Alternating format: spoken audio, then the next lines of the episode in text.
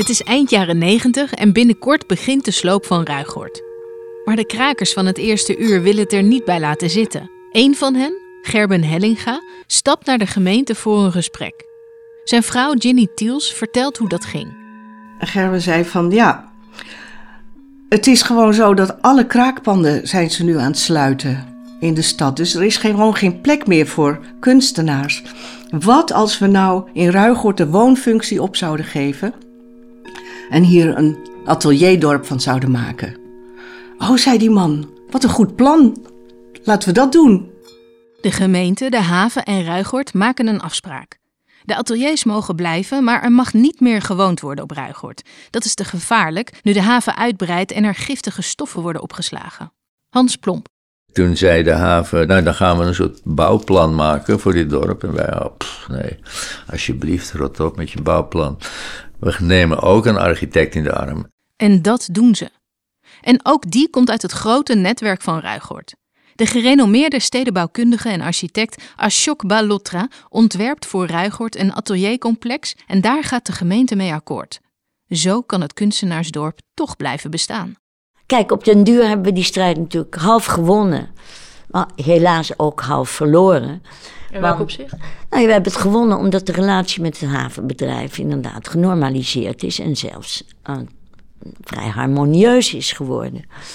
Maar uh, we hebben het verloren omdat, uh, ja, de haven is er gekomen.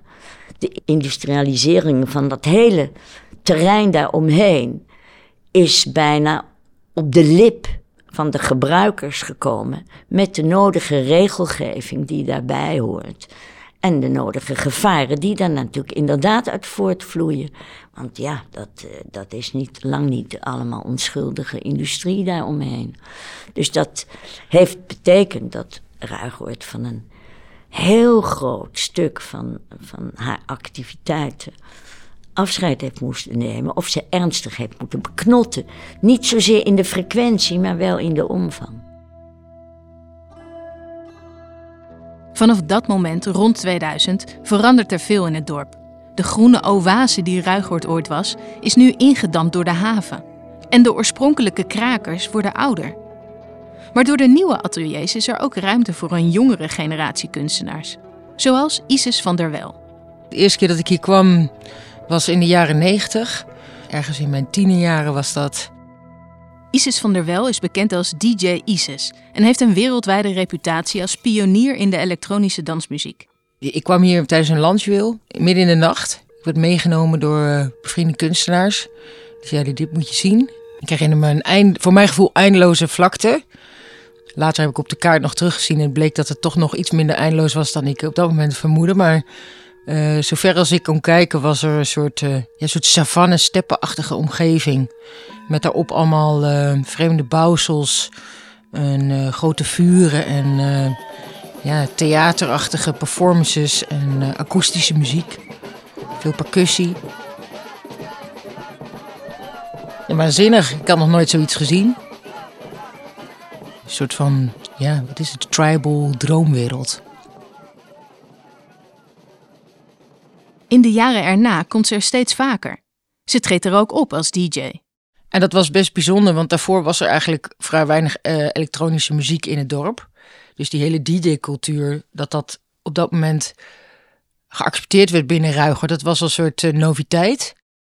Rond 2000 raakt ze steeds meer betrokken bij de gemeenschap van Ruigoord. Dat is wel de, de basis van Ruigorder zijn, dat je niet alleen hier komt om te spelen of om te werken, maar ook een fundamentele bijdrage levert aan de gemeenschap. Ruigert was zichzelf vooral een beetje opnieuw aan het uitvinden na de grote veranderingen. De oude generatie moest het dorp uit, dus die zijn allemaal in de stad gaan wonen. En dan krijg je toch een heel andere dynamiek in het dorp, omdat natuurlijk niet iemand continu aanwezig is om dingen te belichamen of te monitoren of waar nodig bij te sturen. Dus dat was met vallen en opstaan, moest het dorp zichzelf weer opnieuw uitvinden. En het heeft echt wel tien jaar geduurd voordat er een soort herstel heeft plaatsgevonden. Dat er een nieuw Ruigort is ontstaan eigenlijk.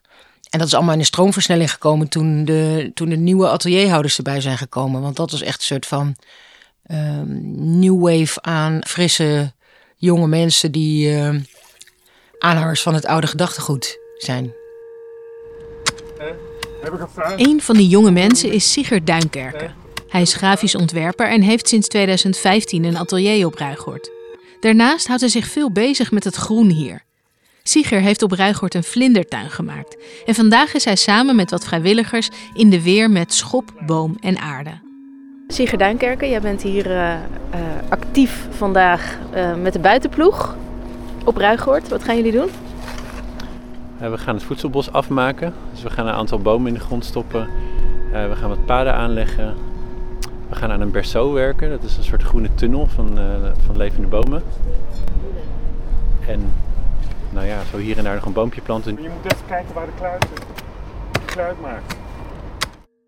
Ruigoort wil zich presenteren als de groene huiskamer van Amsterdam. En Sigge is daar een van de karttrekkers in. Hij voelt zich verbonden met Theo Klei en zijn insectensecte. En hij was ook wel iemand die binnen Ruigoort altijd zei van jongens, maar de natuur. We moeten wel, we kunnen hier allemaal leuke dingen doen, maar bijvoorbeeld waar we nu staan zien we een klein stukje bos nog. Uh, dat is waar? Een, Ik zie vooral heel veel containers. Ja, nou hier vanuit de ingang van Ruigoord zie je nog een klein stukje bos wat zo is zoals vroeger de hele vlakte rondom Ruigoord begroeid was. Dat is dus bos wat vanzelf is gekomen nadat het land was opgespoten. En uh, ja, Theo was een van de mensen die, die met name dat stukje bos altijd verdedigde van dit is niet gewoon een stukje bos, maar dit is het laatste stukje van de wilde natuur die rondom Ruigoord was gegroeid. En waar dus ook dat kunstenaarsdorp in ontwikkeld is in die omgeving. En het is dus ook het laatste stukje toevluchtsoord voor de natuur heel lang geweest. Maar anno 2023 is er juist vanuit de Groene Hoek een nieuwe dreiging. Goedenavond, dit is het AT5 Nieuws wordt Ruigoord nu nog omringd door olie- en benzine-industrie. Deze terminals zijn straks bedoeld voor het groene, maar nogal explosieve waterstof. Festivals hier of in de kerk is vanwege de veiligheid dan niet meer mogelijk en de inkomsten daarvan zijn weer een belangrijke levensader voor de broedplaats. Daar kun je natuurlijk op verschillende manieren op reageren. Want je kunt zeggen van, oh, uh, dat komt op ons af. Uh, eigenlijk van, uh, wordt kleiner gemaakt, dan gaan we gewoon alles kleiner doen. Maar dat, dat past helemaal niet in de, in de filosofie van Ruigoord. Want Ruigoord heeft al heel vaak laten zien dat juist door zelf een, uh, een, een, soort visie te beschrijven en ook uit te leven, dat daardoor de realiteit een beetje verandert. En dat daardoor dingen gebeuren die je niet verwacht. En dat, ja, dat is eigenlijk een, een kracht waar ik nog steeds op vertrouw. Dat als je dingen gaat doen die vertrouwen wekken, die, die verwondering wekken, dat je dan uh, eigenlijk ruimte voor jezelf creëert. Dus Sigrid Duinkerke blijft gewoon doorgaan met bomen planten. En zo gaat iedereen op Ruigoord door.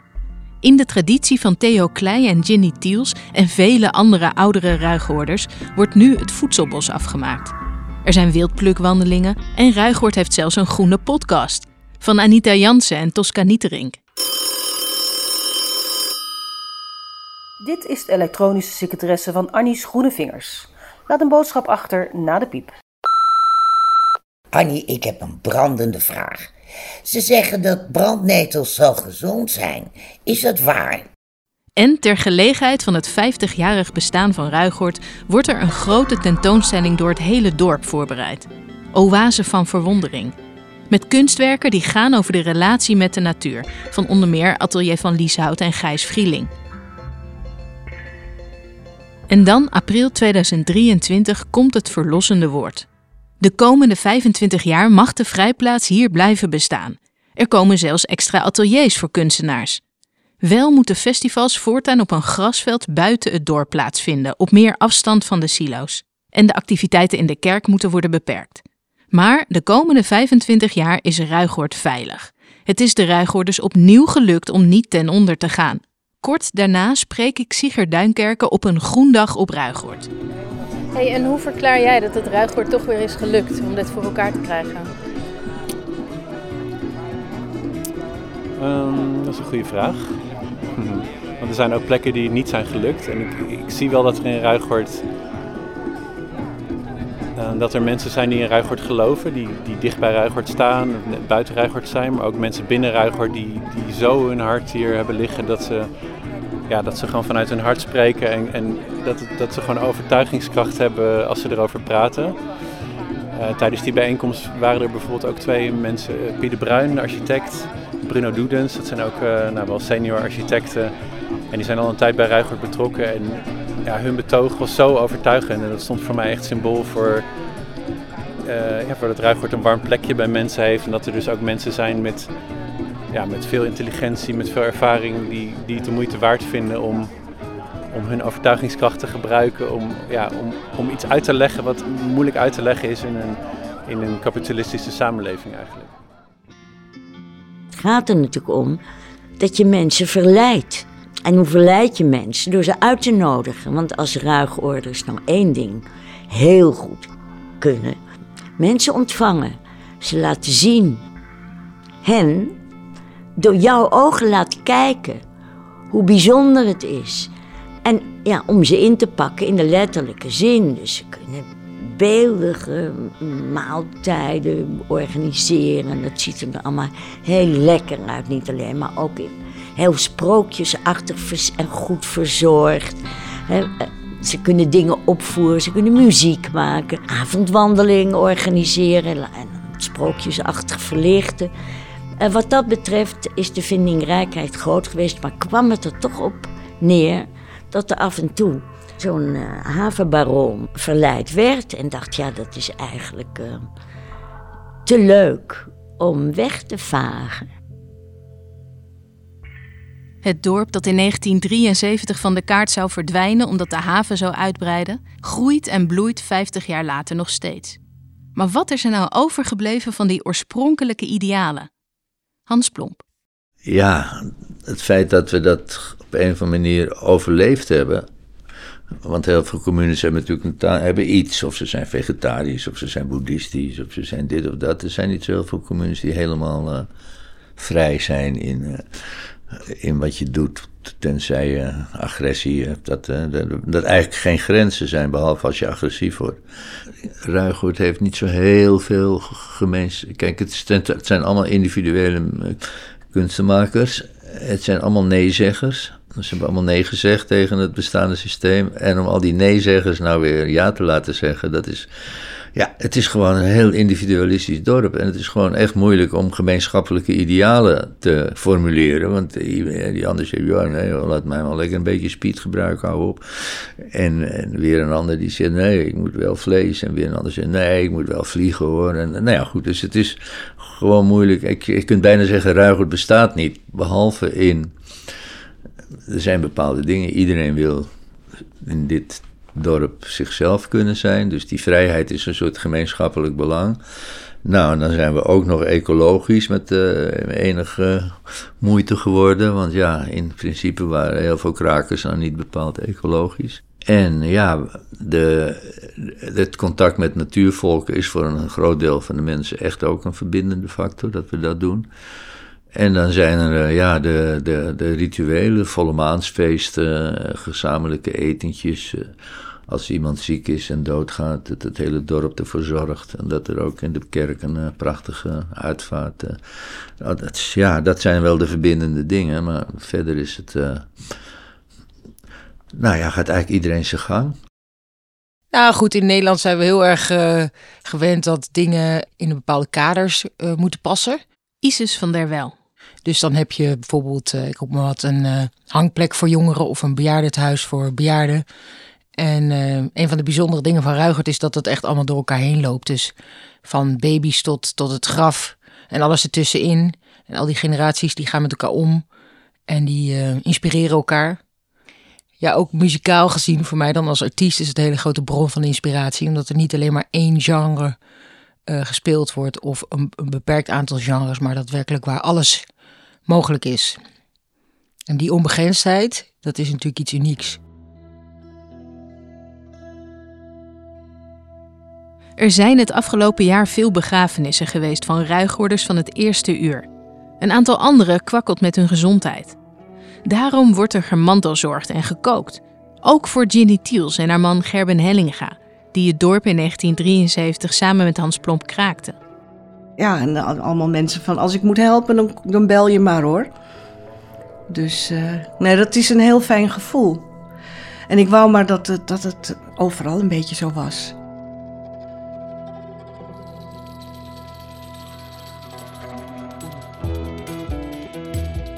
Nou goed, we hebben nu een uh, kleine niche voor de scharrelkip.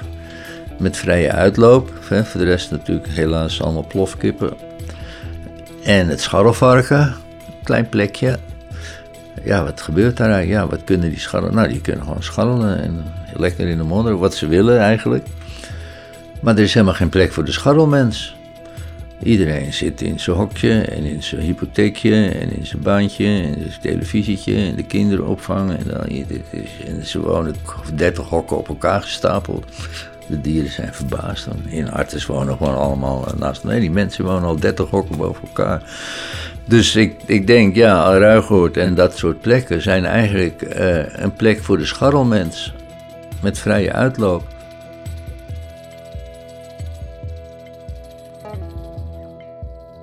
Ja, dan zie je grote olietanks. Maar ja, met de zonsondergang erop heeft het ook wel weer.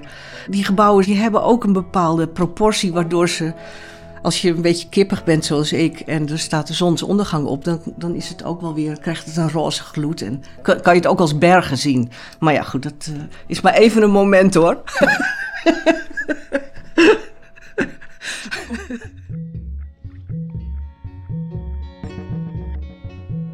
De podcast Scharrelmens met vrije uitloop is gemaakt door mij, Tjitske Musche. En de muziek werd speciaal hiervoor gecomponeerd door Moses Meijer. Research werd gedaan door Lotteke Bogert, eindredactie door Imke Ruigrok en de eindmix deed Alfred Koster. Tot slot, veel dank aan alle mensen die hun verhaal verteld hebben. Hans Plomp, Ginny Tiels, Hedy Dancona, Isis van der Wel, Sigurd Duinkerken en Theo Klei. En ik wil ermee spelen, daar droomde ik van.